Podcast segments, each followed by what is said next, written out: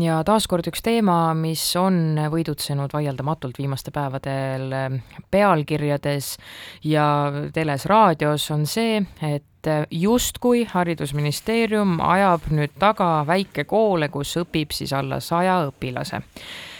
Kas see üldse siis päriselt nii on, mis seal taga tegelikult on, seda hakkame nüüd siis arutama Haridus-Teadusministeeriumi asekantsleri Henri Kattaga, tere hommikust, Henri!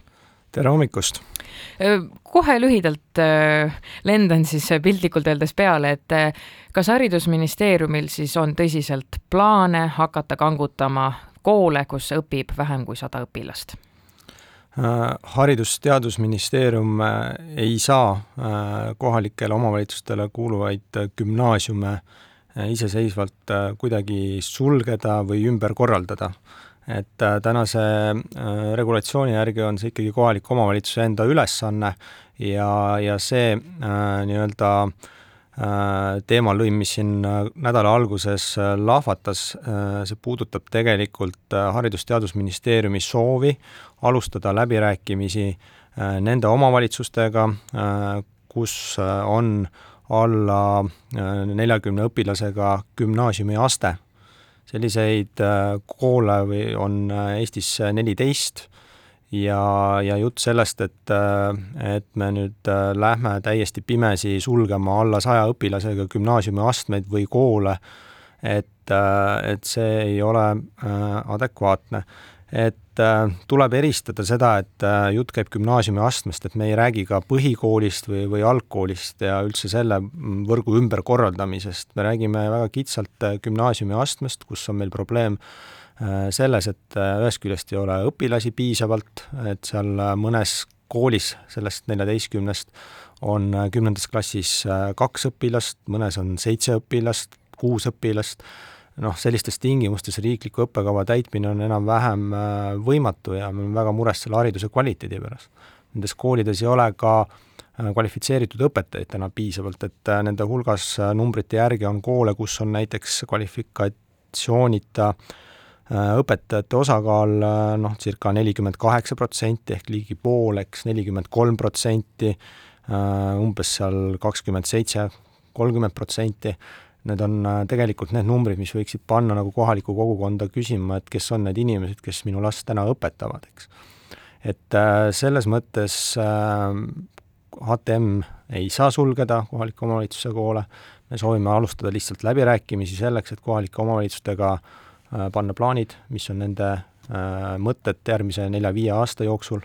et kuidas nad kavatsevad koolivõrku ümber korraldada ja kogu lugu haridus- ja Teadusministeerium äh, tahab alustada läbirääkimisi omavalitsustega, aga äh, milline on see poliitiline tellimus, mida siis soovitakse sellega saavutada, mis on teil eesmärgiks pandud mm -hmm. selle, selle, selle loo puhul siis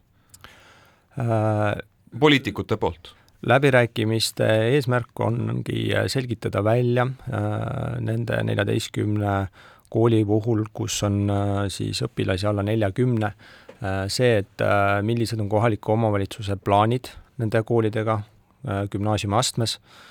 kuidas on kavas neid ümber korraldada, kas on kavas ümber korraldada, kas on kavas liita mõne teise kohaliku omavalitsuse kooliga või riigigümnaasiumiga, kuidas riik saab appi tulla? aga mis on selle eesmärk, kas raha kokku hoida?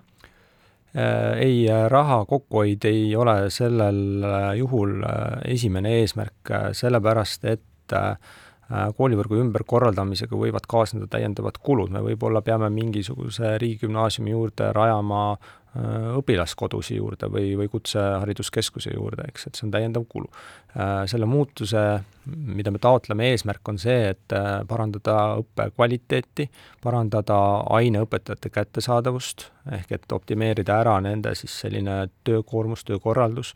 et ilmselgelt ei ole ju noh, kvalifitseeritud õpetajal äh, Äh, tööd, mõtet töötada koolis ja õpetada, ma ei tea, kümmet, kahtekümmend last, kui, kui, kui samas seal kõrval on palju suurem kool, äh, kus ta saaks seda oma äh, pädevust paremini realiseerida. Ja, ja nõnda edasi haridus-Teadusministeeriumi asekantsler Hendrik Attago on meil stuudios külas, räägime koolidest ja nende sulgemisest. andsite ennist mõista, et võib-olla on avalikkus natuke siis valesti aru saanud, ma saan aru, et meil on ju erinevates väljaannetes on siin sellised sajalised pikad loetelud erinevatest koolidest, ütlete, et tegelikult on oluliselt väiksem see hulk, kelle kohal see luup hetkel on kuskohast see selline triangel siis äh, alguse sai, ütleme niimoodi, et ma saan aru, et on natuke valesti võib-olla mõistetud äh, ministeeriumi äh, ideid ja mõtteid, plaane, kuskohast see siis nii-öelda õhku lendas, et meil siin kõik praegu pealkirjad ütlevad, et Haridusministeerium tahab koole kinni panna ja ja nii ja naa, et äkki oskate pakkuda, kas oli mingi dokument, mis kuskilt kellegi kätte sattus ja tõlgendati valesti? Brita, mul on tunne, et ministeerium ei tahagi koole kinni panna Või... ma, ja ma mõtlengi seda, et, et kuskohast see siis alguse sai, selline vale, vale mõistmine võib-olla, et praegu siin hekseldatakse seda teemat ju ma arvan, päevad läbi veel. No kindel on see, et äh, meediasse Haridus-Teadusministeerium seda teemat ise ei tõstnud, eks, aga samas on ka teada see, et äh, üsna pikaajaliselt juba, et koolivõrk äh, vajab ümberkorraldamist ja, ja küllap seda teemat omakorda võim-, võimendas hiljutine õpetajate streik, eks, et kus me peamegi rääkima tegelikult haridussüsteemi äh, erinevatest äh, muudatustest, mis tagaksid meile sellise parema valitsemise äh, haridusvaldkonnas äh,. ja, ja noh, küllap ka see koolivõrgu teema ja üldse see koolide ümberkorraldamise teema on äh, kohalikele kogukondadele emotsionaalselt äh,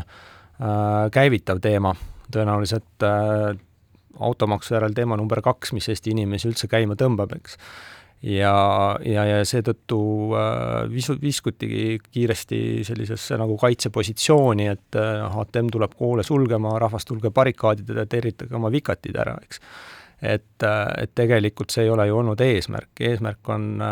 lihtsalt ju täna olnud see, et, et me oleme siis äh, nüüd jõudnud sinna, et oleme teavitanud siis kohalikke omavalitsusi, et me soovime läbirääkimisi alustada, kohalikele omavalitsustele läheb sellekohane kiri välja äh, sellel või järgmisel nädalal, kus me väga noh, viisakalt palume lihtsalt leppida kokku see aeg, et millal me saame teiega kohtuda ja arutada siis, äh, mis on kohalike omavalitsuste plaan oma koolivõrguga. et, et see ongi nagu kogu, kogu lugu, et kogu see ambitsioon hetkel et äh, me ei hakka nagu ühtegi kooli sulgema ja, ja, ja veel vähem põhikoole ümber korraldama või algkoole ümber korraldama. ma saan aru, et poliitiline tellimus on ja, ja, ja eesmärk on tegelikult siis hariduse kvaliteeti parandada, see on see suur mõte ja idee selle loo taga, äh, selle asemel, et äh, võib-olla hakata läbirääkimisi pidama sel teemal, et nendesse gümnaasiumitesse enam õpilasi vastu ei võetaks, äkki võiks neid õp-, õpetajaid, kes nendes koolides on, harida, võib-olla lihtsalt koolitada õpetajaid juurde, sest et tegelikult hariduse kvaliteet klassiruumis, kus on vähe õpilasi, on ju hoopis kõrgem kui ruumis, klassiruumis, kus on näiteks kolmkümmend õpilast. no see on selline mm, pigem äh, trafaretne nagu tõekspidamine seni olnud, et äh, kui me vaatame jällegi nagu riiklikku õppekava ja mõtleme näiteks sellele, et kehalise kasvatuse tundi peaks andma gümnaasiumiastmes õpilastele,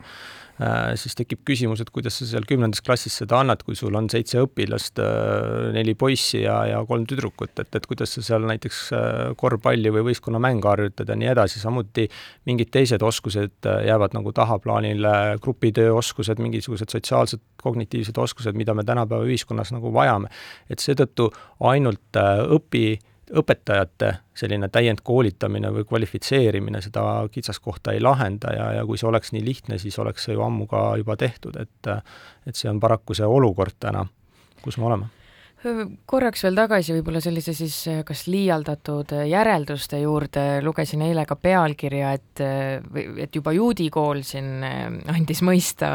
ajakirjanduse vahendusel, et mitte mingil juhul neid ka kinni ei saa panna ja me räägime siin ju tegelikult koolist, kus on selline umbes noh, üheksakümmend pluss õpilast. Ehm, ma saan aru, et,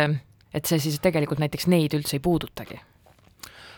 lühiperspektiivis kindlasti mitte, pikas perspektiivis äh, on äh, minu arvates mõistlik pidada pidevalt dialoogi ja arutada, et kuidas koolivõrku paremini korraldada, nii et hariduse kvaliteet oleks parem, sest meie ühine eesmärk on ju see, et õpilased, kes meil koolides käivad, saaksid hariduse ja ettevalmistuse, millega neil on hiljem ühiskonnas midagi peale hakata, kas siis ülikooli minna, kutsekooli minna, nii edasi. juudi kooli see täna selles mõttes kindlasti ei puuduta, et et seal nimekirjas on ka palju teisi selliseid koole, mis kohalike omavalitsuste gümnaasiumitena toimetavad väga hästi. seal on õpilasi, seal on kvalifitseeritud õpetajaid, seal on väga head riigieksami tulemused, nendel äh, demograafia toetab seda, et seal seda gümnaasiumiastet jätkata. et äh, meie probleem on ikkagi nendes neljateistkümnes koolis, kus on vähe õpilasi, kus me näeme, et demograafia ei toeta selle kooli pidamist, kus õpetajate puudus on, sageli ka see õpikeskkond vajab investeeringuid, rahalisi investeeringuid ja, ja nendel juhtudel, kus me soovimegi läbi rääkida, üks võimalus ju lahenduseks on see, et mõne teise lähedal asuva kohaliku omavalitsuse gümnaasiumiastmega liidetakse need gümnaasiumid, eks. või siis äh, riigigümnaasiumiga või siis äh, kutsekooliga. seal on erinevaid lahendusi, seda me soovimegi kohaliku omavalitsusega arutada, mis teed tuleks minna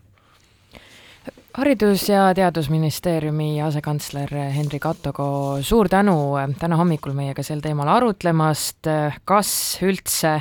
plaanib siis ministeerium väikekoole nüüd järjest sulgeda, saime teada, et päris nii lihtne see ei ole, aitäh teile! aitäh teile kutsumast!